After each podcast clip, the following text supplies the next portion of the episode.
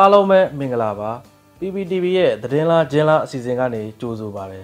ခုလိုတော်လိုင်းရေးကာလမှာမှန်ကန်တဲ့အချက်လက်တွေကိုပေးတဲ့သတင်းတွေရှိသလိုပြည်သူလူထုရဲ့စုံဖြတ်ချက်တွေလွဲချော်သွားစေဖို့ရည်ရွယ်ပြီးဂျင်းထဲတဲ့သတင်းတူသတင်းရောက်တွေလည်းများစွာပြန့်နှံ့လျက်ရှိတာကြောင့်ပြည်သူတွေအနေနဲ့မြင်သမျှတွေ့သမျှတွေကိုသတင်းလားဂျင်းလားခွဲခြားနိုင်စေဖို့အတွက် PPTV အဖွဲ့သားတွေကသတင်းလားဂျင်းလားအစီအစဉ်ကိုတင်ဆက်ပေးလိုက်ပါတယ်ဒီတစ်ပတ်ပြောပြပေးခြင်းတဲ့သတင်းအမှားအကြောင်းအရာတွေကတော့ မီတာကတွေကိုတတ်မှတ်ရက်ထက်ကျော်လွန်ပြီးမဆောင်ရင်အိမ်တော်ဦးစီးကို1600လနဲ့မီတာပေါက်ကိုရာသက်ပံဖြုတ်သိမ်းမဲ့ဆိုပြီးဖြန့်နေတဲ့သတင်းအမှားကာမိုင်းမျိုးကို KIA ကထိန်းချုပ်ထားပြီဆိုပြီးရခင်တုန်းကပုံအဟောင်းတွေကိုတုံးပြီးဖြန့်တဲ့သတင်းအမှား AR တိုင်းမှာ KNU တပ်မဟာရှစ်ဖွဲ့စည်းပြီးပြီဆိုပြီးပြန့်နေတဲ့သတင်းအမှားစစ်ကောင်စီရဲ့အခါဘေးဆရာတော်ဖြစ်တဲ့ဝီစီဘိတ်ဆရာတော်လောက်ကြံခံရတယ်ဆိုပြီးပြန့်နေတဲ့သတင်းအမှား စစ်အာဏာရှင်တော်လှန်ရေးကိုခုတုံးလုပ်ပြီးစီးပွားရှာနေတဲ့ကလစ်ပိတ်သတင်းမီဒီယာအယောင်ဆောင်စာမျက်နှာတစ်ခုအကြောင်းလိုပဲဖြစ်ပါတယ်။ရင်းဆုံးပြပြပေးခြင်းတဲ့သတင်းအမှားတစ်ခုကတော့မီတာကတွေကိုတတ်မှတ်ရထက်ကျော်လွန်ပြီးမဆောင်ရင်အိမ်တော်ဦးစီးကို1600လနဲ့မီတာပေါက်ကိုရာသက်ပံဖြုတ်သိမ်းမယ်ဆိုတဲ့သတင်းအမှားအကြောင်းဖြစ်ပါတယ်။အဲ့ဒီသတင်းအမှားကိုစစ်ကောင်စီထောက်ခံသူတွေရဲ့အကောင့်တွေမှာရေးသားဖော်ပြနေကြတာဖြစ်ပါတယ်။ချက်လက်စစ်စစ်ကြည့်ရတဲ့အခါမှာတော့သတင်းမီဒီယာကျင်းဝင်းတဲ့အညီရေးသားဖော်ပြနေကြတဲ့သတင်းမီဒီယာဌာနတွေမှာဘာသတင်းမှဖော်ပြမထားပါဘူး။ စစ်ကောင်စီရဲ့ဝင်ငွေရလန်းတွေကိုတပိတ်မှောက်ကြတဲ့ပြည်သူတွေက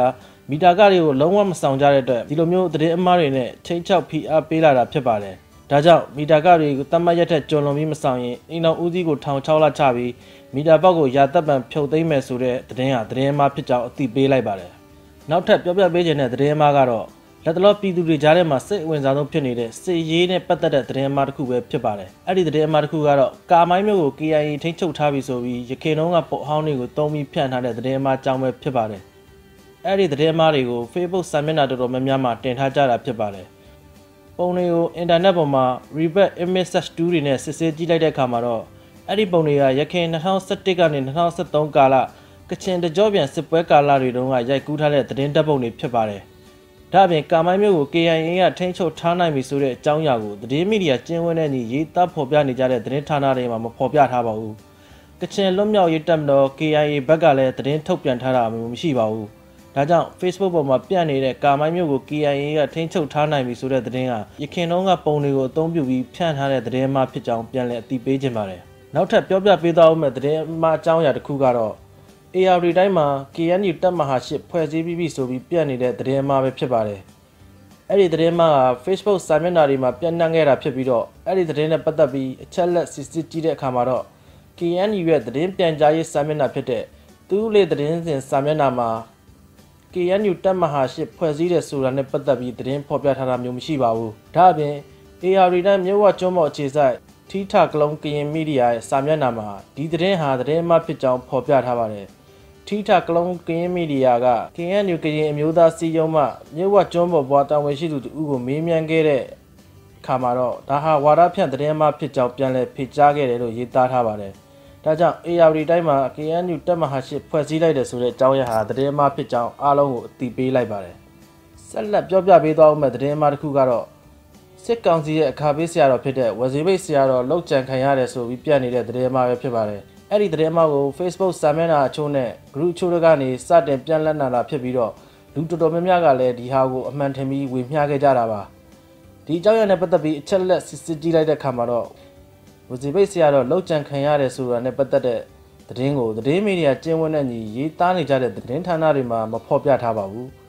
ဒါအပြင်တာချီလိုက်သတင်းအေဂျင်စီကဝစီဘိတ်ဆရာတော်ရဲ့အနီးကပ်နေတဲ့ကပ်ပီယာကိုဆက်သွယ်အင်တာဗျူးမေးမြန်းချက်အရ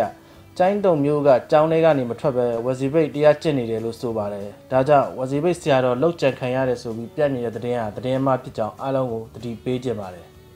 ။နောက်ဆုံးအနေနဲ့ပြောပြပေးခြင်းတဲ့တဲ့မှအကြောင်းအရာတစ်ခုကတော့စစ်အာဏာရှင်တော်လှန်ရေးကိုခုလုံးလုပ်ပြီးစီးပွားရှာနေတဲ့ Clickbait သတင်းမီဒီယာအကြောင်းဆုံးစာမျက်နှာတစ်ခုအကြောင်းဖြစ်ပါတယ်။ Clickbait မီဒီယာဆိုတာကတော့အင်တာနက်ပေါ်မှာကြော်ညာတွေကနေတဆင့်ဝင်ငွေရှာတဲ့သတင်းမီဒီယာရောင်ဆောင်လုပ်ငန်းစဉ်တစ်ခုဖြစ်ပါတယ် အဲ့ဒီသတင်းမီဒီယာအကြောင်းဆောင် website က news218media.com ဆိုတဲ့ domain နဲ့ဖွင့်လှစ်ထားတာဖြစ်ပါတယ်အဲ့ဒီ website ကတင်သမျှသတင်းတွေဟာသတင်းအမှားတွေပဲဖြစ်ပြီးတော့ YouTube channel တစ်ခုကိုထပ်ပြီးရည်ညွှန်းထားတာဖြစ်ပါတယ်အဲ့ဒီ YouTube channel က Real News မြန်မာဆိုပြီးတော့ဖွင့်လှစ်ထားတာဖြစ်ပါတယ်အဲ့ဒီ channel မှာဆိုရင်သတင်းအမှားတွေကိုတင်ပြီးလူကြည့်ရှုသူများအောင်ဆွဲဆောင်ထားတာဖြစ်ပါတယ် လူကြည့်ရှုသူများလာရင် YouTube ရဲ့ monetization လို့ခေါ်တဲ့ဗီဒီယိုတွေမှာကြော်ညာတွေပြသခြင်းကနေ channel တည်ထောင်တဲ့သူကဝင်ငွေတွေရတာဖြစ်ပါတယ်။ဒါကြောင့်အဲ့ဒီသတင်းမီဒီယာအယောင်ဆောင် channel ကတင်တဲ့သတင်းတွေကိုဆိုရင်ကြည့်မိဖို့လည်းလိုအပ်ပါတယ်။အဲ့ဒီသတင်းမီဒီယာအယောင်ဆောင် channel ကတင်တဲ့သတင်းတွေဟာတော်လန်ရေးကိုခုတုံးလုပ်ပြီးလူစိတ်ဝင်စားစေမဲ့သတင်းအမှားတွေကိုဖန်တီးထားတာဖြစ်ပါတယ်။ဒါကြောင့်ဒီ news218media.com ဆိုတဲ့ website နဲ့ Real News မြန်မာဆိုတဲ့ YouTube channel တွေကတင်တဲ့ဗီဒီယိုမှန်သမျှကိုမကြည့်မိကြဖို့အတွက်ကိုတိုက်တွန်းလိုပါတယ်စစ်အာဏာသိမ်းကောင်စီရဲ့ဝါရဖြန့်ချီရေးရန်ရာတွေဖြစ်တဲ့ MRTV, MWD စတဲ့ရုပ်သံတွေကရခင်ပြည်သူ့ဆိုရဖြစ်တဲ့ NLD အစိုးရလက်ထက်ကရုပ်ပုံတွေဗီဒီယိုတွေနဲ့အင်တာဗျူးတွေကိုအသုံးပြုပြီးလူထုကိုနားလည်မှုလွဲမအောင်လှည့်စားပြီးဝါဒဖြန့်နေတဲ့အကြောင်းကိုလည်းထပ်ပြီးသတိပေးခြင်းပါသေးတယ်။ Panset Studio ရဲ့ဒရိုက်တာတူဖြစ်တဲ့ညံကျဲစီရဲ့2015-2016ခုနှစ်လောက်ကအင်တာဗျူးကိုစစ်ကောင်စီရဲ့ဝါဒဖြန့်ချီရေး MITV ကနေပြန်လည်ထုတ်လွှင့်ပြီးဝါဒဖြန့်နေတဲ့အကြောင်းကိုကာယကံရှင်ကအသိပေးထားပါတယ်။အဲ့ဒီအင်တာဗျူးကတော့ကြောင်းတက်ချင်တယ်ဆိုတဲ့ကာတွန်းရုပ်ရှင်အောင်မြင်လာပြီးတဲ့နောက်မှာပြုလုပ်ခဲ့တဲ့အင်တာဗျူးဖြစ်ပြီးလက်ရှိစစ်ကောင်စီကကြောင်းတွေကိုအတင်းအကျပ်ဖွင့်ဖို့လှုံ့ဆော်နေတာနဲ့ချိန်သားကိုက်ပြီးပြန်လည်ထုံးလွှင့်ဝါဒဖြန့်နေတာလည်းဖြစ်ပါတယ် ဒီတစ်ပတ်အတွက်သတင်းလားဂျင်းလားအစီအစဉ်ကိုဒီမှာပဲရန်နာခွင့်ပြုပါခင်ဗျာနောက်တစ်ပတ်မှာပြန်လည်စုံတွေ့ကြပါမယ်အားလုံးပဲသတင်းမှအန်ဒီရယ်တွေကနေကင်းဝေးနိုင်ကြပါစေ